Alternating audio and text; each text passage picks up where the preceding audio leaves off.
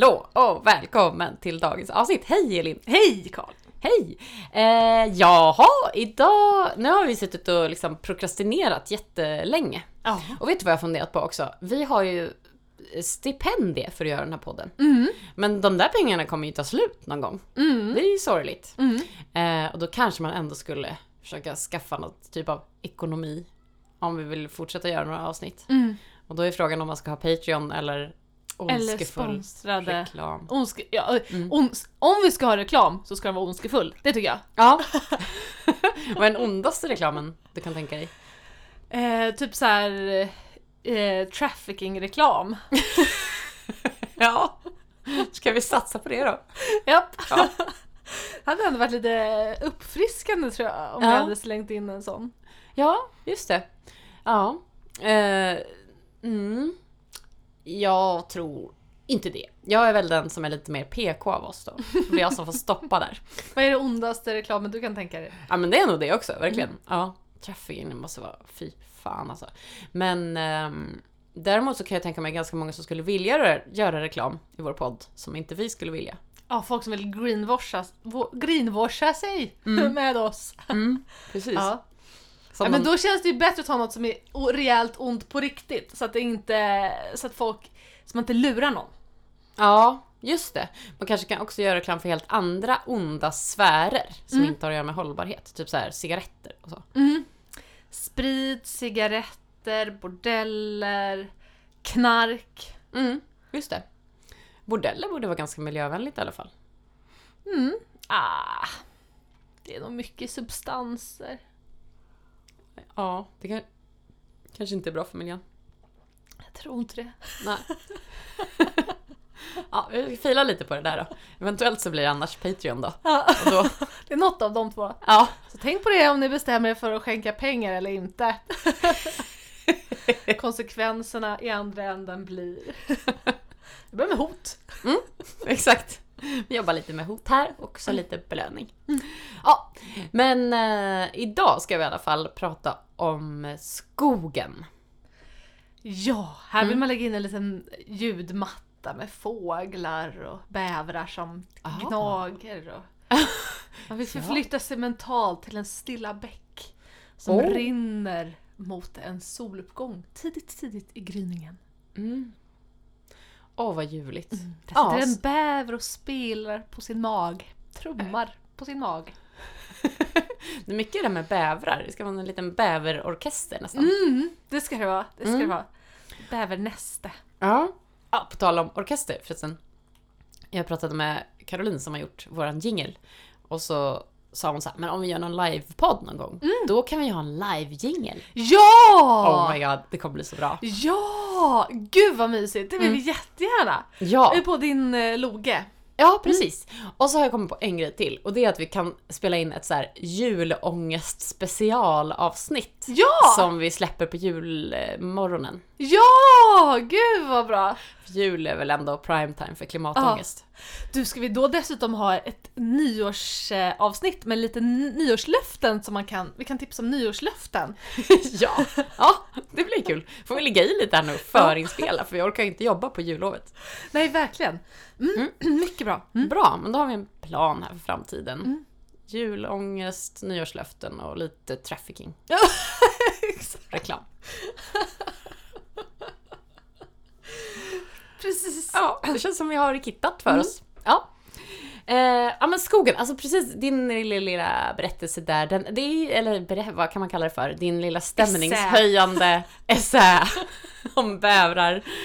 Det är ju precis, alltså man, ja, även fast det var lite skoj så blev jag ändå så här. Ah. Ja, jag blev faktiskt också det. Ja, Faktiskt. Jag började se lite framför mig och så kände jag, vad gör vi här? Vi ska ut. Ja, Ja. ja, ja men verkligen. Och det måste ju vara skogens magiska dragningskraft. Mm. Det finns ju lite rolig så här, miljöpsykologisk forskning på skogen. Eh, och då kan man ju bland annat se att eh, om man har utsikt över skogen efter en operation på Ja. sjukhuset så återhämtar man sig snabbare. Nej. Ja, Gud, sånt här är sånt som jag faktiskt får rysningar av på riktigt. Alltså jag vet inte om du ser att jag har lite gåshud. ja jag ser. Alltså jag tycker Ja. sånt här är så ball, för det är en sån otroligt liten grej. Ja. Alltså eh, att bara ha en utsikt, att det hjälper en är ju någon slags bevis på hur starkt det är.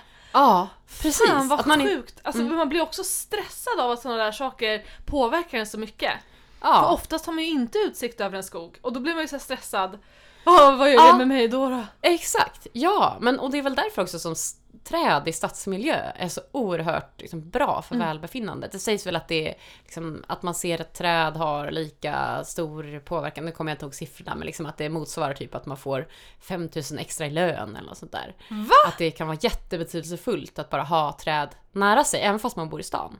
Hur, är- hur är vägen från att se ett träd till att få 5000 kronor i lön? Men att det motsvarar liksom eh, samma livskvalitetshöjning på något sätt. Aha, aha.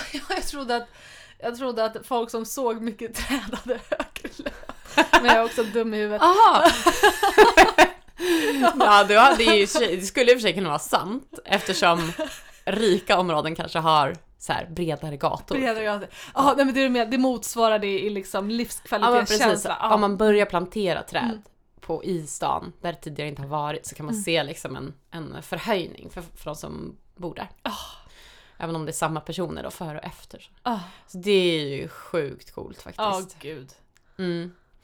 Och eh, sen, ja men man kan ju som sagt bli lite stressad då av det där. Och särskilt på sjukhus, för sjukhusen är ju byggda, alltså man kan inte direkt flytta sjukhusen och bara nu måste vi lägga dem nära skog och så ändrar vi hur de var byggda. Så det kan man ju tänka på när man planerar för framöver. Men eh, då har man testat att bara ha en bild av ett träd Ja. vid sin sängända, typ som en roll-up.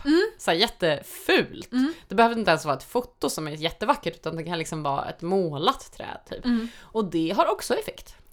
Det har det, för det var min nästa fråga som jag tänkte ställa faktiskt. Om man har typ tavlor med, med skog och sånt hemma, då hjälper det en del i alla fall. Ja, Mm. ja det kan det göra. Mm.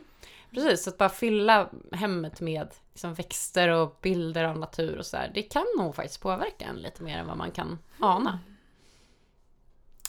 Åh, är du väl insatt i det här eh, växters vibrationer? Var det du som berättade för mig om det här klippet till och med, när man hade Nej. tonsatt växter? Alltså det är som man verkligen börjar gråta. Eftersom eh, alla växter och, och blommor och allt ger ifrån sig vibrationer, Mhm. så hade man liksom, man hade satt eh, heter det, maskiner som, hade, som kan fånga upp eh, eh, sekvensen liksom, Ja, frekvensen från växterna och sen hade man satt ihop dem till en hel orkester. Så nej. man till och med så att man hade sjungit någon jullåt, typ så här. Merry Christmas, alltså något sånt där. Och det var jätte, alltså man, bli, man blev liksom, man blev så här, verkligen gåshud när man såg eh, alla, det blir så verkligt, det blir så, växter blir så levande när man tänker på den dimensionen. Ja. Har du läst den här boken om hur träd kommunicerar och sånt Mm. också? Mm, den här, eh, vad heter den nu då? Ah, jag kommer inte ihåg vad den heter. De skickar liksom, de kan, de kan skicka eh, med hjälp av sitt rotsystem kan de skicka kraft och så till varandra. Ja precis, men också med hjälp av svampmycel ju, som kopplar upp sig på rötterna. Så i utbyte mot information så får de socker.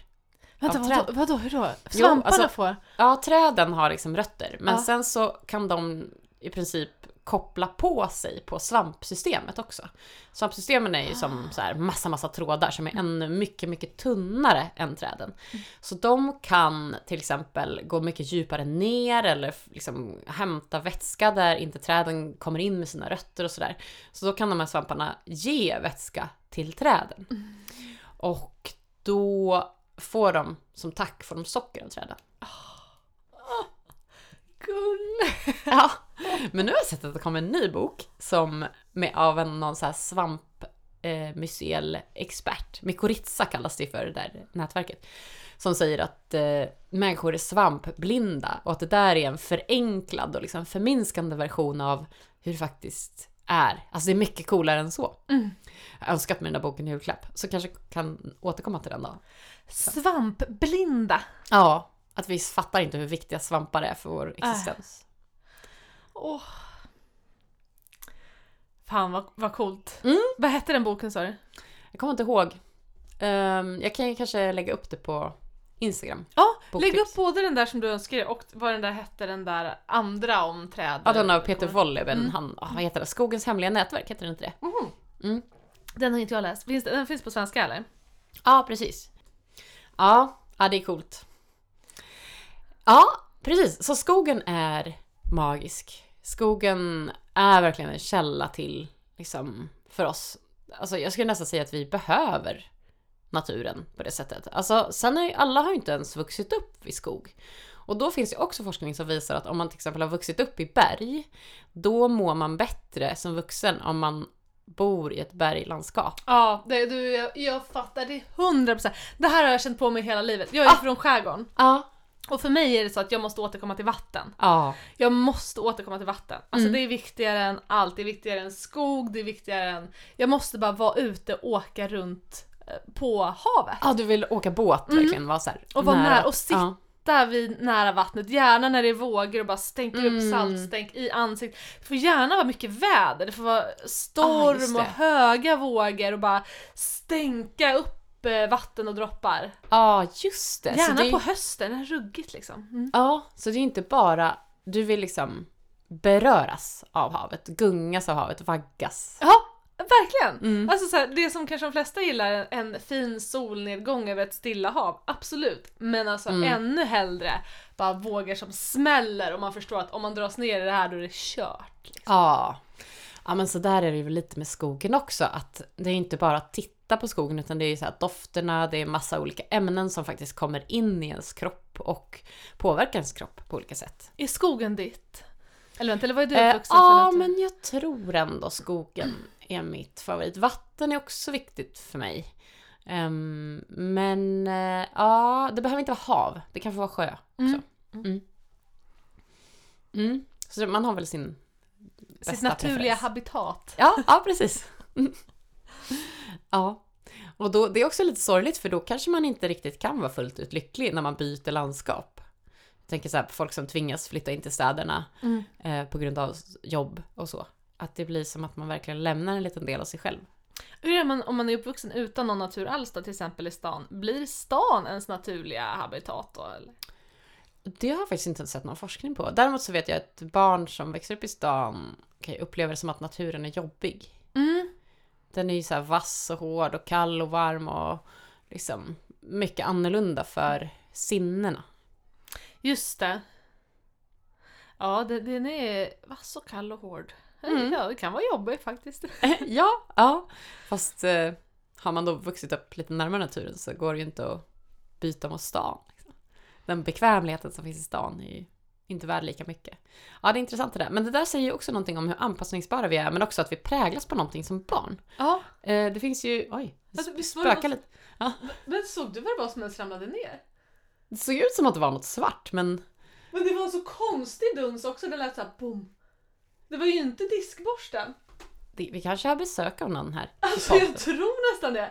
För du såg också att det var något svart Ja, som ramlade Som bara, bakom, Boom! Bakom eh, den här eh, alltså kranen. Ja, precis. Eller framför. Men vi, det är ju ingenting där ens. Elin! Äntligen har det hänt! Du, Elin, du har ju berättat för mig förut att du har längtat efter att få se ett spöke någon gång. Ja, alltså det har jag verkligen gjort. Och jag, alltså, jag har varit, varit lite hemsökt faktiskt i den här lägenheten också. Så var Jaha. det en gång som jag och en kompis, eh, vi låg och kollade, jag satte igång min rymdlampa, jag har en rymdlampa. Eh, vi låg på golvet och kollade upp på rymdlampan. Och så hade vi en högtalare. som Va, vad stod- är en rymdlampa? Eh, Åh, jag kan visa dig sen. Man Ja. släcker alla andra lampor, sätter Mm. på rymdlampan så får man stjärnhimmel och sånt i hela Åh. taket som rör sig såhär. Oj, oj, oj. jättemysigt, Ja. Och då hade vi en högtalare som plötsligt bara, den stod på byrån där, hade Aha. stått stabilt på byrån Mm. och som plötsligt bara iväg Nej. och landade en meter bort på golvet som att man verkligen hade slagit ner den. Ja, men då har du ju träffat spöken. Men, vad- men vad var det här? För det här är sjukt vi båda såg. Och Ja. det var ett duns som, det ligger ingenting, jag ska se om man kan verkligen beskriva för lyssnaren. Det är på min diskbänk, bakom den här kranen, eh, vattenkranen. Där såg vi båda två, ja. något svart, man såg ju bara från sidan för vi, sitter ju, Ja. vi tittar ju inte rakt ut. Från sidan såg man något svart som ramlade ner, inte alls långt, några decimeter. Ja. Och så lät det boom. Alltså ganska dovt boom. Och det enda som finns där, det ligger ner en diskborste. Det var ja, absolut men den inte, var den. Nej. Och det finns ingenting annat. Alltså det är ju liksom, ja men det är en sked som ligger där också, men det var ju absolut inte den heller. Det hade med en sked mot en sked. Ja, det var skumt. Vad betyder det här? men jag tror det är bara grattis! Nu har vi blivit häxor på riktigt. Var det ett bra tecken eller var det... Det var väl Det är ganska inte bra. så tydligt. Du som är psykolog, som liksom- det var ingen tydlig kommunikation direkt. Nej, vi får Om be man- om ett tydligare tecken kanske. Om man vill få någonting framfört så, så är dum ganska... ehm, Ja, precis. det är ganska svårtolkat. Mm, mm. Gud. Ja. Blev du lite rädd så här i efterhand? Men Eller jag bara kände mig lite såhär, svindel? nu kanske det händer något, det är något. Det är Ja. något här i rummet. Ja, spännande. Vi kanske har så här bra, vad heter det, medial, så här, vad kallas det för? Seans. När man har seans, då ska man väl vara så här bra, man ska ha bra energi. Ja, hoppas det. Ja. ja, vi får se. Något skogsväsen Ja, kanske var som meddelade det. sig. Vad var det vi sa precis när det där hände? Jag vet inte. Vi- måste sen sp- spola tillbaka och lyssna. Ja, det måste vi göra. Det som, det, ni som lyssnade, ni hörde vad det var vi sa då. Det var antagligen något otroligt eh, bra. Ja. Kan du, kan du klippa in det och lägga det här? Så det upprepas. Okej, här kommer det. Ja, det är intressant det där. Men det där säger ju också någonting om hur anpassningsbara vi är, men också att vi präglas på någonting som barn. Ja, Eh, det finns ju, oj, det Alltså, det spökar lite. otroligt. Ja. Och, eh, ja men någonting, någonting och sen, nu blir det lite konstigt för nu vet ju vi egentligen inte då, fast nu har vi klippt in det. Så nu vet vi inte vad vi pratar om längre. Nej. Väldigt förvirrande. Eh, Hur som helst, skogen är magisk och viktig för oss djur. Ehm, men så är det också så att vi håller på och eh, sabba skogen, såklart. Um, Homo sapiens gör det igen. Då är det så här att jag har intervjuat Mikael Karlsson som är författare och expert på ekosystembaserat skogsbruk. Mm. Så vi kommer eh, prata lite grann om hållbart skogsbruk, för det är liksom lite, ja men så här, finns väldigt mycket bra konkreta lösningar på det. Men jag började ändå med att be honom att berätta lite om problemen med det skogsbruket som vi har idag. Ja, kortfattat så är det ju att de hugger ner skogen och omvandlar den till eh, planteringar och plantager med bara ett träd i en storlek som man hugger ner igen efter ett tag så att utrymmet för naturen försvinner. Ehm, det är, ur ekologiskt perspektiv så är det det stora problemet. Klimatet i, i, idag har, har förändrats genom att stora mängder koldioxid har kommit upp i atmosfären genom att vi har förbränt bland annat fossila källor. Men det är inte bara fossila källor som har skapat koldioxidutsläpp utan det är även ut, Ehm, allt, som, allt levande innehåller kol. Träd till exempel innehåller eh, hälften rent kol. Så ett, ett stort träd som du kan krama runt innehåller ungefär två kubikmeter, eh, två ton koldioxid. Så när vi hugger ner en, en, en skog, då hugger vi bokstavligt talat bort det gröna kolförrådet i skogen. Och eftersom 80 procent av allt som huggs ner omvandlas till eh, pappersmassa och bioenergi så, så dröjer det väldigt kort tid tills det är uppe i atmosfären igen och spär på eh, växthuseffekten. Så, så problemet med dagens skogsbruk är att det tömmer skogens naturliga kolförråd över mark. Eh, Det påverkar också dessvärre skogens kolförråd eh, i marken, nämligen eh, till exempel genom dikningar. De senaste 200 åren har det dikats ungefär 2-3 miljoner hektar mark i Sverige.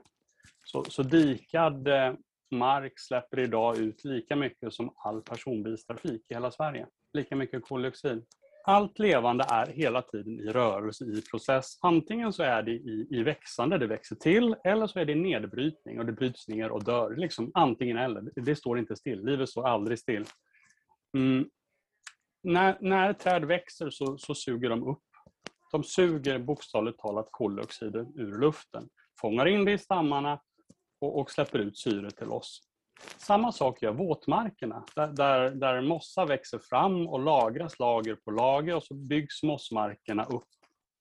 Och för varje kilo mossa som, som lagras in så lagras det in i storleksordning ett kilo koldioxid. När man då dikar en torvmark, då, då, då, då kommer det syre till torven, vilket gör att den bryts ner. Så då, då, då påbörjar nedbrytningsprocessen.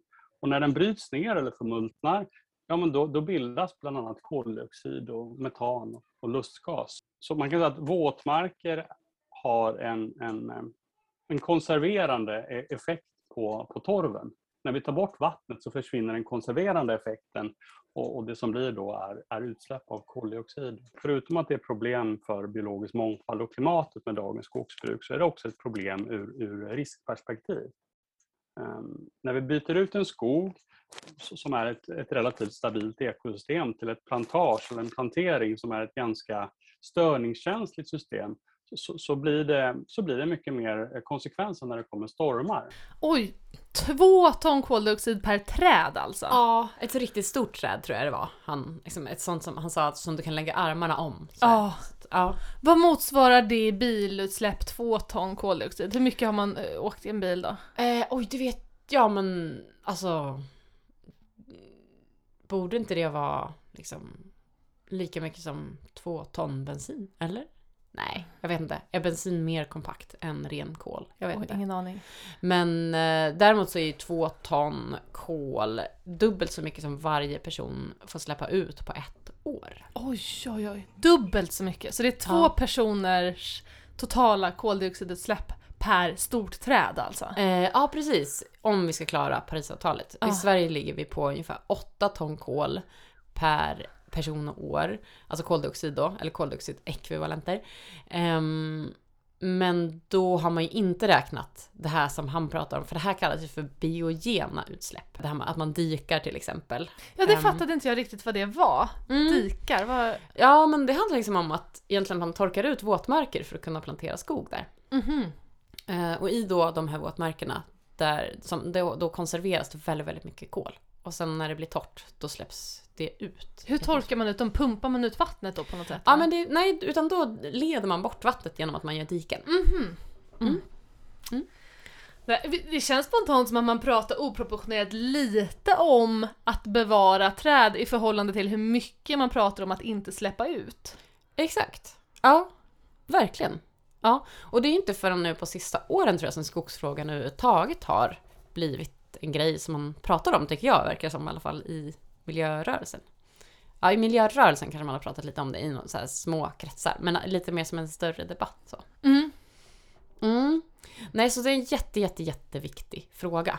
Men en grej som jag blev lite så fundersam över när jag hörde det här var ändå så här, men varför håller man på så här då? Det är ju superdumt. Skogen bara är helt fantastisk. Och sen så håller vi på, för det, hans eh, modell, ja men vi kommer höra det sen, men då är, det är ju liksom att Problemet är ju egentligen också att man gör kalhyggen.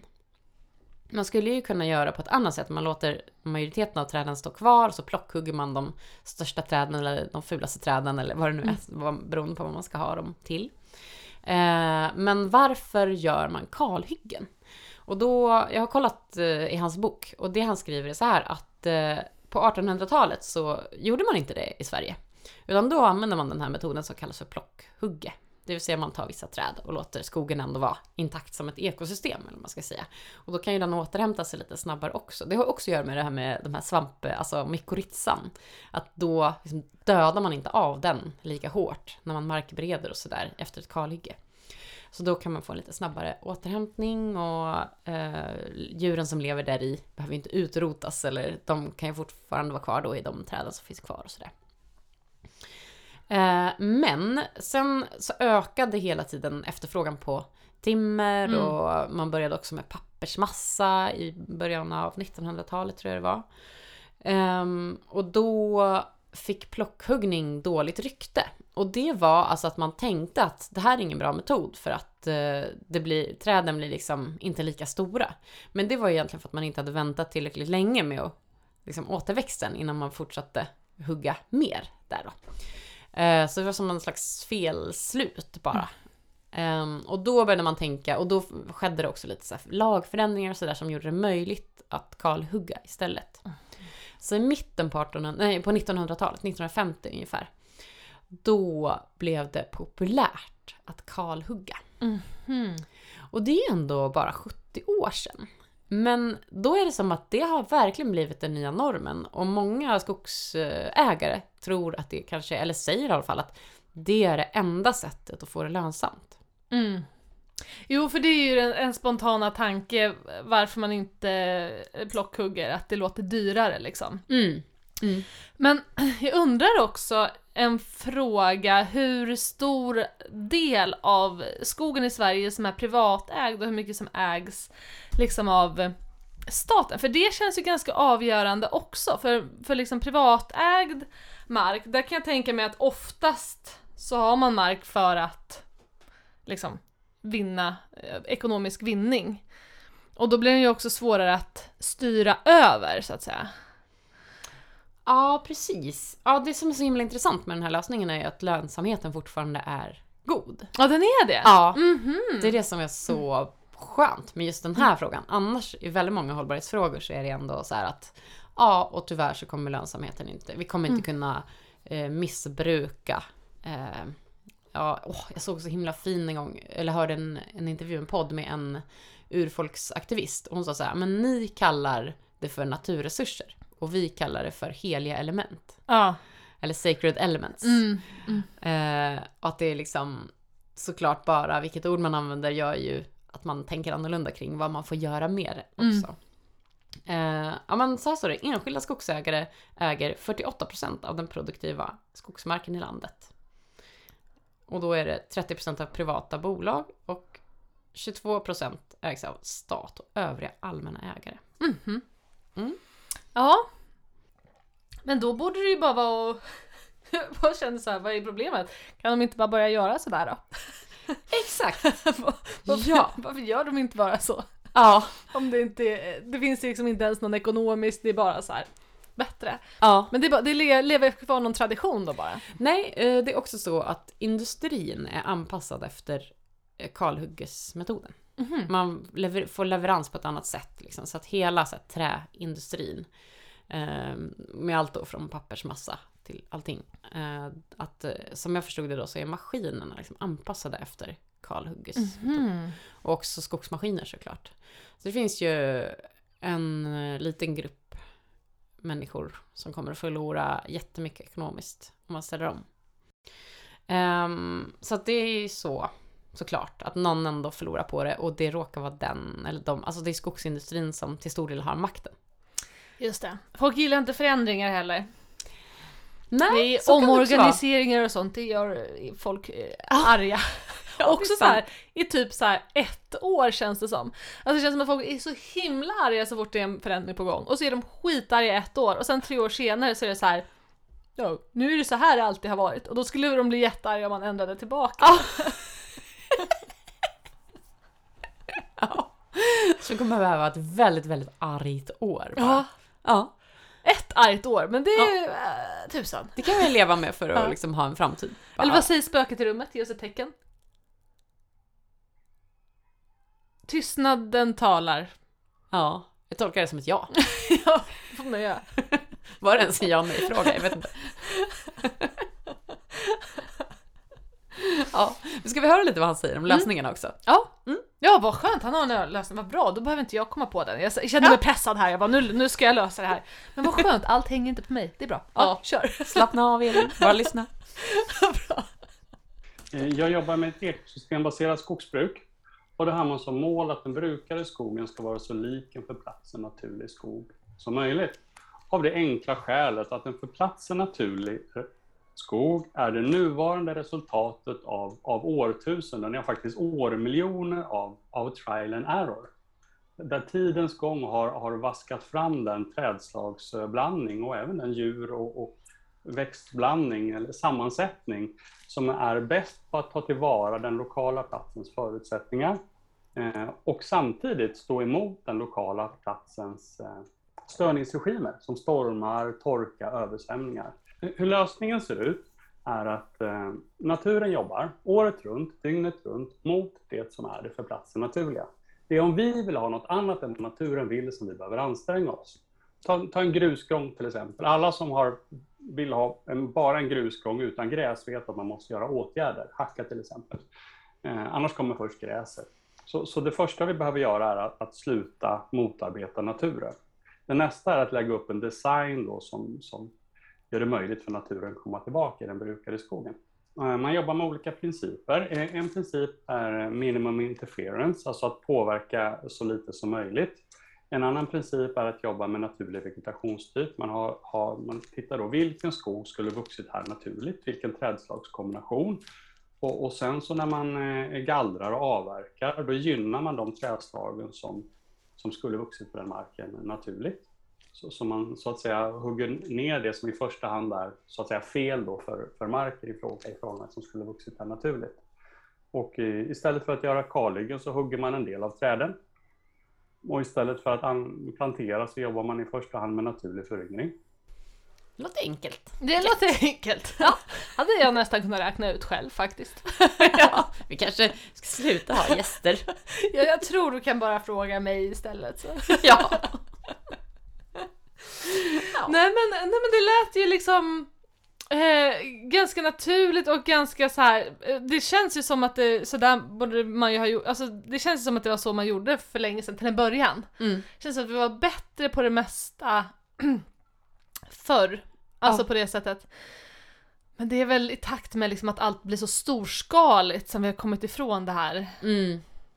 Ja. Glappet har blivit större mellan oss och naturen. Mm. Mm. Ja, verkligen. Och då tror vi på något sätt att vi ska tukta naturen och att det är rimligt att hålla på på det sättet mm. också.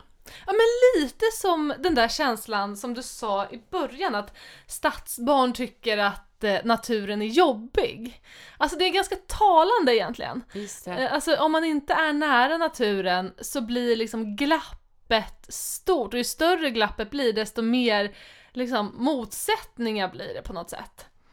Det blir mer så här, vi jobbar mot varandra än med varandra. Ja, just det. Ja. ja men han skriver i sin bok också, Mikael, att eh, hans farfar var skogsägare. Och eh, hans, jag undrar om jag säger rätt, men jag har för mig att han skrev att hans morfar var jägare. Så farfar var liksom den som tuktade skogen och morfar var den som tog med honom till så här naturskog och han fick uppleva eh, liksom, riktig skog istället för plantager och sådär. Och farfar var ju då väldigt här, övertygad om att det här är det rätta, det är så här man gör, det är så här man ska göra och vill man ha en lönsamhet så måste man kalhugga och så vidare. Och han bara, Mikael liksom kände ändå på något sätt att det här känns inte helt rätt. Det måste vara någonting eh, konstigt. Mm. Men det är klart, är man lärd av sin, sina förebilder som man kanske är van att lyssna på också i mm. livet. Då är det klart att man kommer att så här, tro på dem när de säger att det här är det enda rätta. Ja, verkligen. Det är såklart. Det kan, och när vi blir, blir en hel, ett helt folk som blir lärda på samma sätt så är det ju... Och, och också så här, jag, jag, tänker också lite så att... Eh, eh att så här, det är skillnad på hur man liksom lär barn, om man, om man lär barn att det är farligt att gå vilse i skogen och eh, det, man ska liksom eh, ha på sig galonisar för att skydda sig mot regnet. Alltså det är också en del av att eh, signalera någonting. Alltså istället för att lära till exempel, alltså kunskap är ju en, en trygghet men det är också, finns ju en viss eh, fara när man tar in kunskap. Jag tänker till exempel med så här, ja, för att lära sig hitta i skogen så måste man vara i skogen. Men i, när man är i skogen innan man har lärt sig hitta kan man också gå vilse. Mm. Man, när man är ute i skogen eh, och bara äter allt man ser, då kan man äta något giftigt och dö. Men det är också en trygghet i att veta vad man kan äta.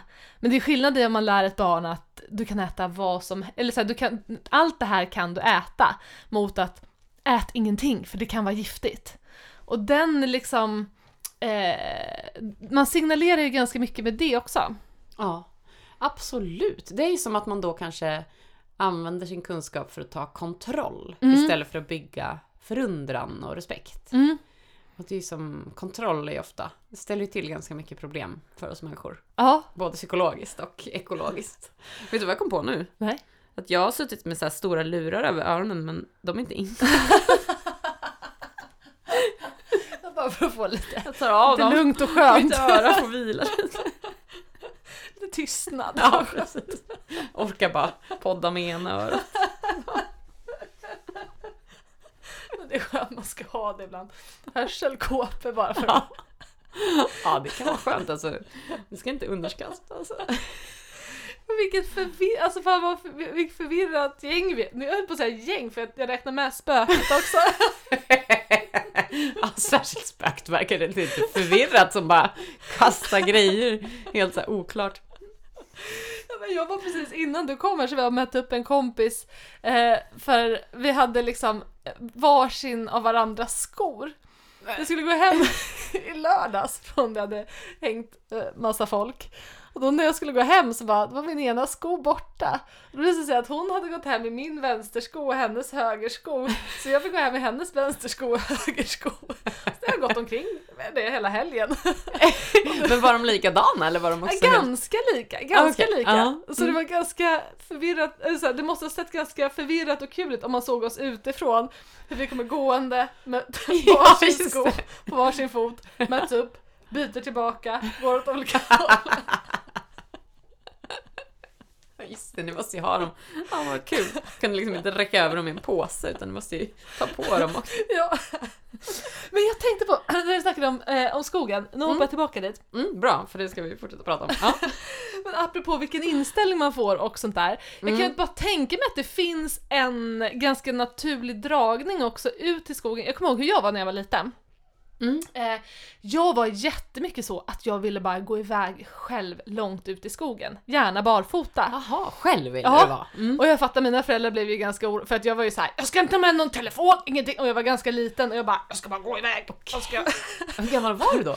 Nej men från att jag var ja, men kanske sex år eh, och sen fortsatte det ganska många år. Att Mm. jag var, de fick ju vara lite så här, ja men du får inte gå längre än hit och du kanske, om du Mm. ska gå längre än dit, följ någon stig Ah. åtminstone. Ja. Men jag, jag var ganska mycket så jag bara, nej jag vill inte gå på stig här, jag vill inte gå, jag ska bara iväg, iväg, iväg. Ja. så, eh, jag vet inte riktigt varför men jag hade verkligen någon sån eh, eh, längtan måste det ha varit. Ja, ja det måste det ha varit Mm. verkligen. Här är jag hemma. Jaha. Oh, det har jag faktiskt haft en del patienter som berättat som, um, som att de har varit med om att ha haft det så himla jobbigt hemma. Ja.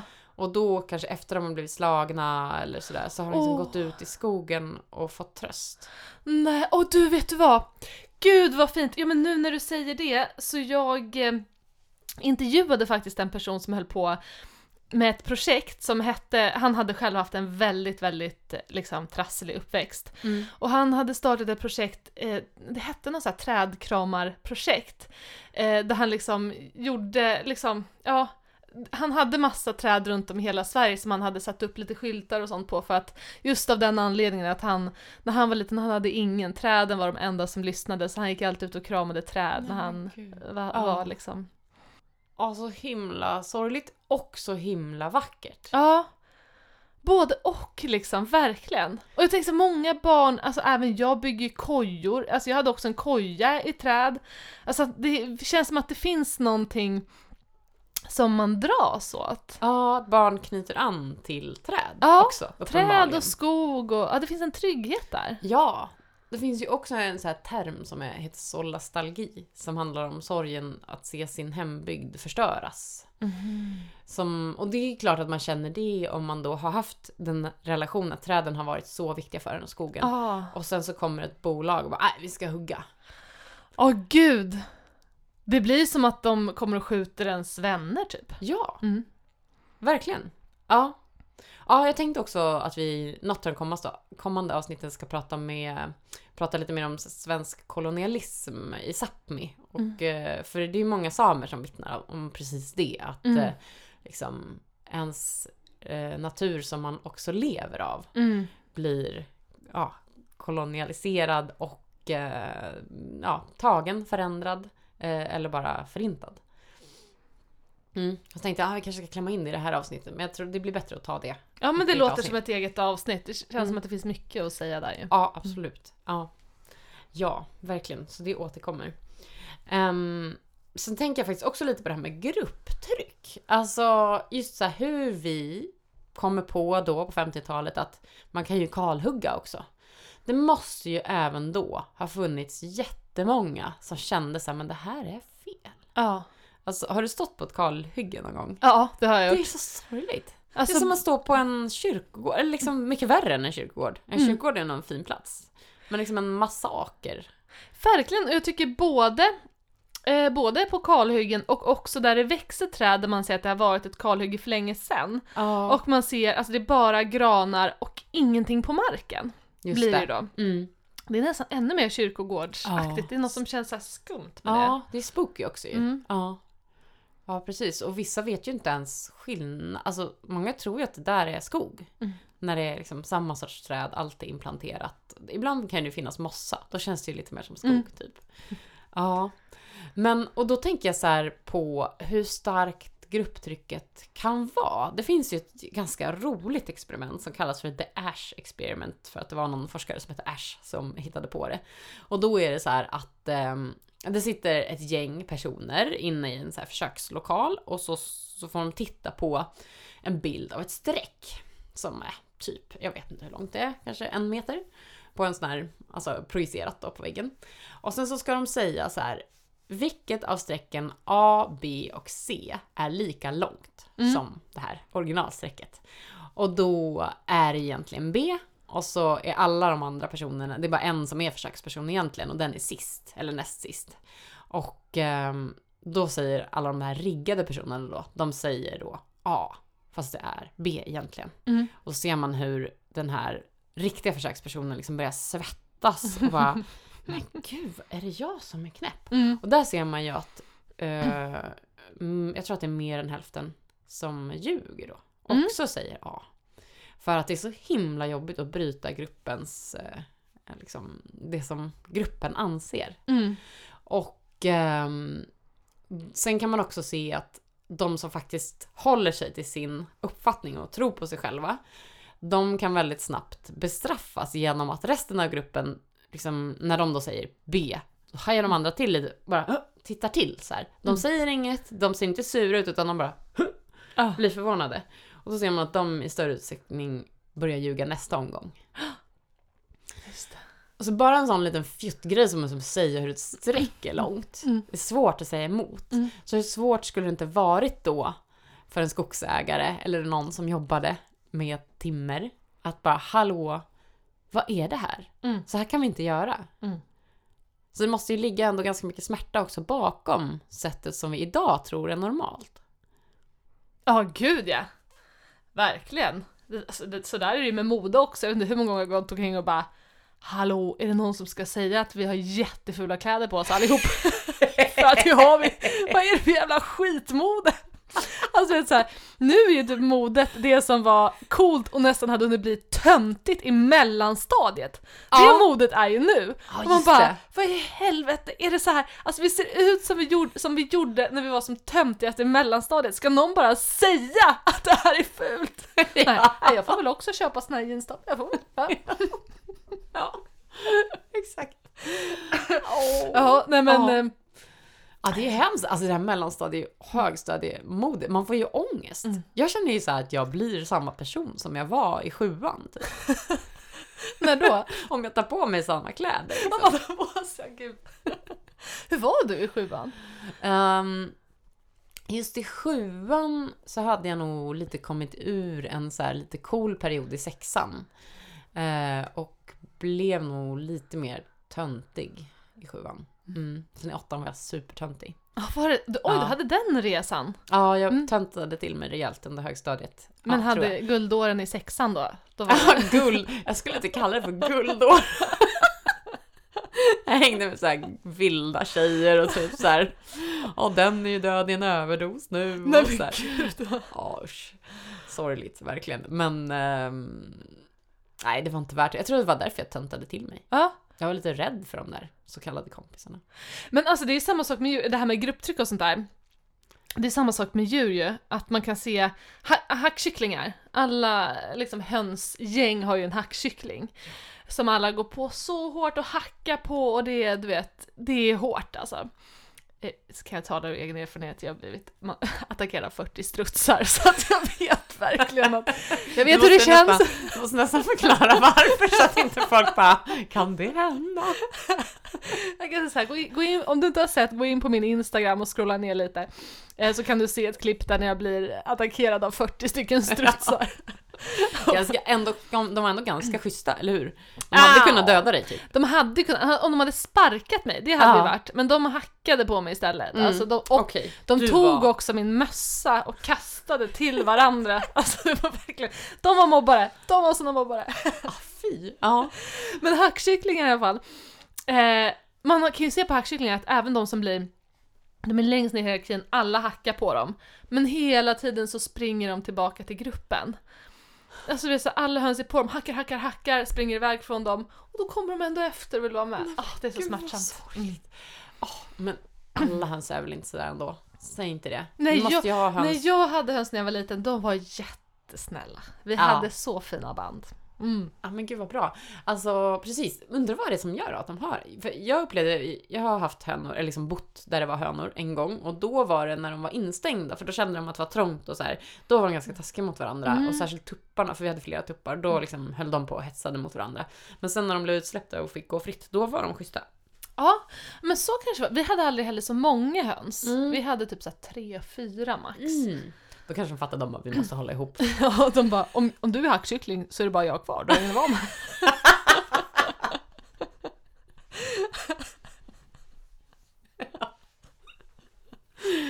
De har ändå en viss intelligens. Ja men det har, alltså fåglar är ju smarta, herregud. Korpar. Inte strutsar dock.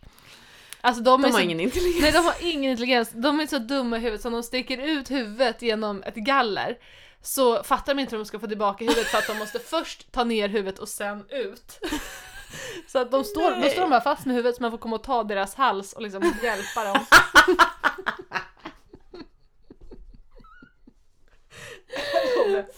Ja, det låter förfärligt. Jag vill ju gärna att det ska finnas något sån här elakt djur som jag kan äta. Ja, men jag- ät struts då. Ja, det, det är väl svårt att få tag på kanske, eller? Det- Ser du strutsägget där? jag ser det. Mm. Eh, det Gud, finns ju lite stort. struts, ja det är jättestort, det är 25 ägg motsvarar det. Ah. Finns ju strutsfarmar, fast jag kan inte säga att man, att man ska äta struts nu när jag känner de lät mig ändå leva. ja, precis. Det måste finnas ett ännu elakare djur. Ja. Ja men typ, Fästingar. kan du inte äta, vad heter det, reptiler?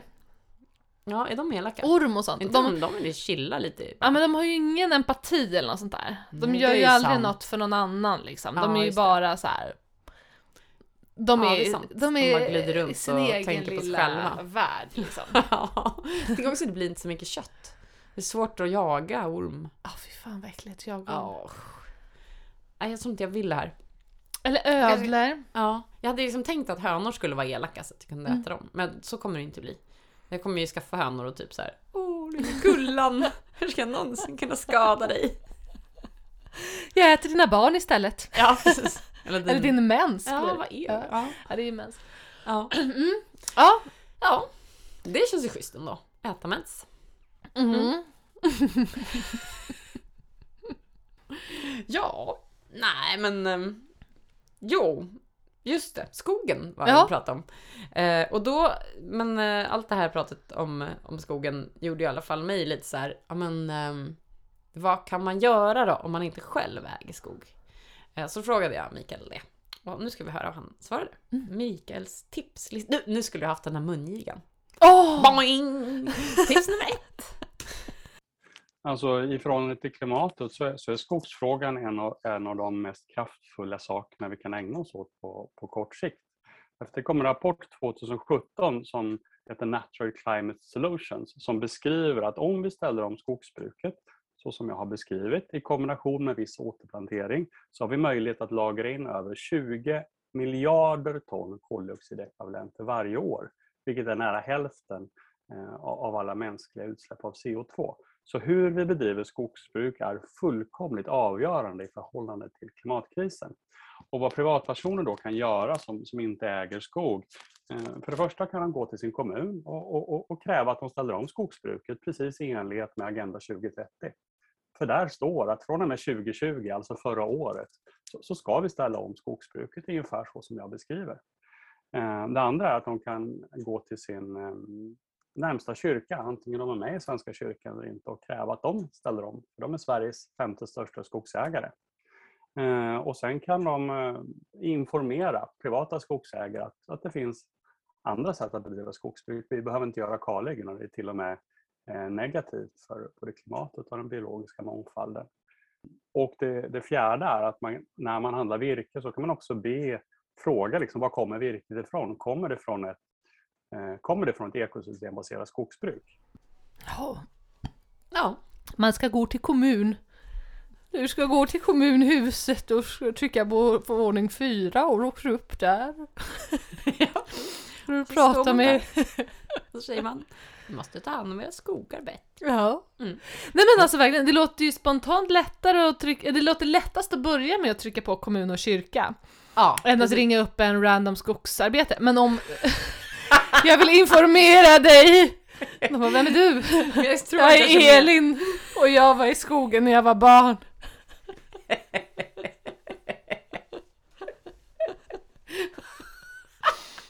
Alltså det finns många, eh, många gånger som jag tänkt att vi kunde ha ett busringningsprogram. Också. Klimatkämpar, man bara, ringer, man bara, man bara tar, tar alla samtal själv. Ja, exakt. Jag vill informera dig.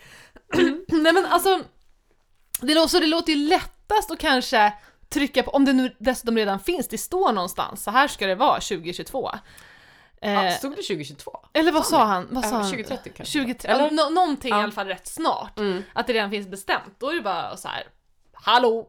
Jag ser er, I'm watching Ja. you. Ja men verkligen. Kommunen. Och också, jag menar det är ju såklart om man vill tänka så här storskaligt så är det ju smartare att, att ge sig på stora skogsägare än att ge sig på enskilda personer Ja. som man ringer upp och så berättar. Det var ju som när jag blev uppringd av Jehovas vittnen under pandemin. Har jag berättat det? Nej, det nej. känns som att jag kanske berättade i podden. Det är just att de inte knackade dörr. Ja, för precis, att utan de ja. ringde istället. För att man måste hålla avstånd. Jaha. Mm, det var schysst. Eh, ja, men sidospår, sidospår. Det är lätt att man känner sig kanske lite, om man bara ska lyfta på luren, man vill ha några i ryggen i alla fall. Ja, verkligen. Man vill gärna kunna mycket då också. Mm. Men jag tror i och för sig att han kanske menade om man känner någon. Alltså om man redan känner någon som har skog. Då kan man ju snacka med den. Mm. Men så, och sen sa han faktiskt också det där med att det är ganska svårt när man själv köper virke. Att veta vad man ska fråga efter. Hur vet Mm. man att man verkligen får någonting bra? För det finns ju massa så konstiga miljömärkningar som egentligen bara är så här, vi hade ekologiskt kaffe medan vi högg skogen. Eh, Hoppas det var gott. ja, det var jättegott. Uh, men så då kan man Det är ladda som ner. att man skulle ha så här rättvisemärkt att bara, ja nej men det var, vi hade vi, vi hade frukt, st- fruktkorg. Alla fick jobba 20 timmar om dygnet och det var barnarbetare och allt. Men Mm. det finns det fanns päron i en skål och Ramlösa. Det är lite så hela mänskligheten håller på ju. Ja, verkligen. Ja. ja, men i alla fall, då kunde man från hans hemsida, han berättar liksom sin bok, den heter Konsten att hugga träd och ha skogen kvar. Mm. Och då finns en hemsida som hör till den där boken och där kan man liksom lära sig mer om man just vill eh, läsa på och liksom berätta för andra eller fråga på brädgården då, eller vad man nu ska göra. Man kan få lite mer råg i ryggen. Till det. Eller råg, råg i ryggen, det kanske är när man är modig eller så här. Nej men råg i ryggen, det Eller är, är det- ja, det, det är rätt uh, tryggt. Är det? Mm, Ja. mm. Mm. Okej, bra. Råg i ryggen. Det vill man inte ha. Nej. Oerhört Man inflammatoriskt. inte är en uh, fågelskrämma. är inte de gjorda av råg? Jo, det kan de med. Ja. Ja. Um, ja. Okej, ja men bra. Hej då! Nej? Jag har gått igenom det. ja. ja, men vi har en liten plan. Vi måste tänka på det där med mungigan också. En gång. Men just det, och sen tänkte jag på en till grej. Att när man påverkar då kommunen, då måste man också ha en plan. Alltså det är ju inte så jättekul att bara vara helt själv då. Att vara den där som åker upp till våning fyra och bara Rolf här. Ja, Det är Eh, så lätt att folk, alltså jag tänker så här hur folk ofta brukar se på sådana personer. Man blir lätt Ja. satt i galningfacket. Att bara, nu är Mm. hon här igen med någon, liksom, eh, det, det är verkligen, ska, man måste, det är väldigt, väldigt svårt att inte bli bara satt i jobbig människa-facket. Och, Ja. och är man väl satt där, då är det svårt att vända alltså. Ja, verkligen. Alltså man måste ju vara ett gäng, minst. Men jag tänkte så här, vi ska också ha ett avsnitt som handlar om hur ska en slipsten dras när man gör en kampanj, som det Mm. kallas då, när man har liksom ett konkret mål som man vill få igenom. Och då har jag intervjuat en aktivist som är eh, ett geni kommer till den saken. Så det ska vi också höra på om några veckor. Åh, har du redan gjort den intervjun? Ja, det har jag. Åh, Jag var helt knockad efteråt. Nej men gud! Åh, så vilken eh, lång tid i förväg teaser. Ja, verkligen. Två veckor tror jag det kanske tar lite. Ja, spännande. Mm. Så då, vänta med att åka till kommunen, gott folk. Vänta, vänta två veckor så får Ja. du en liten guidebok. Åk inte idag för då kan du bli satt i galen människa-facket. Ja, Vänta tills du har, det vill vi eh, undvika. har dina verktyg. Ja! Lycka till! Gör det! Ja, och hej då! Hej då!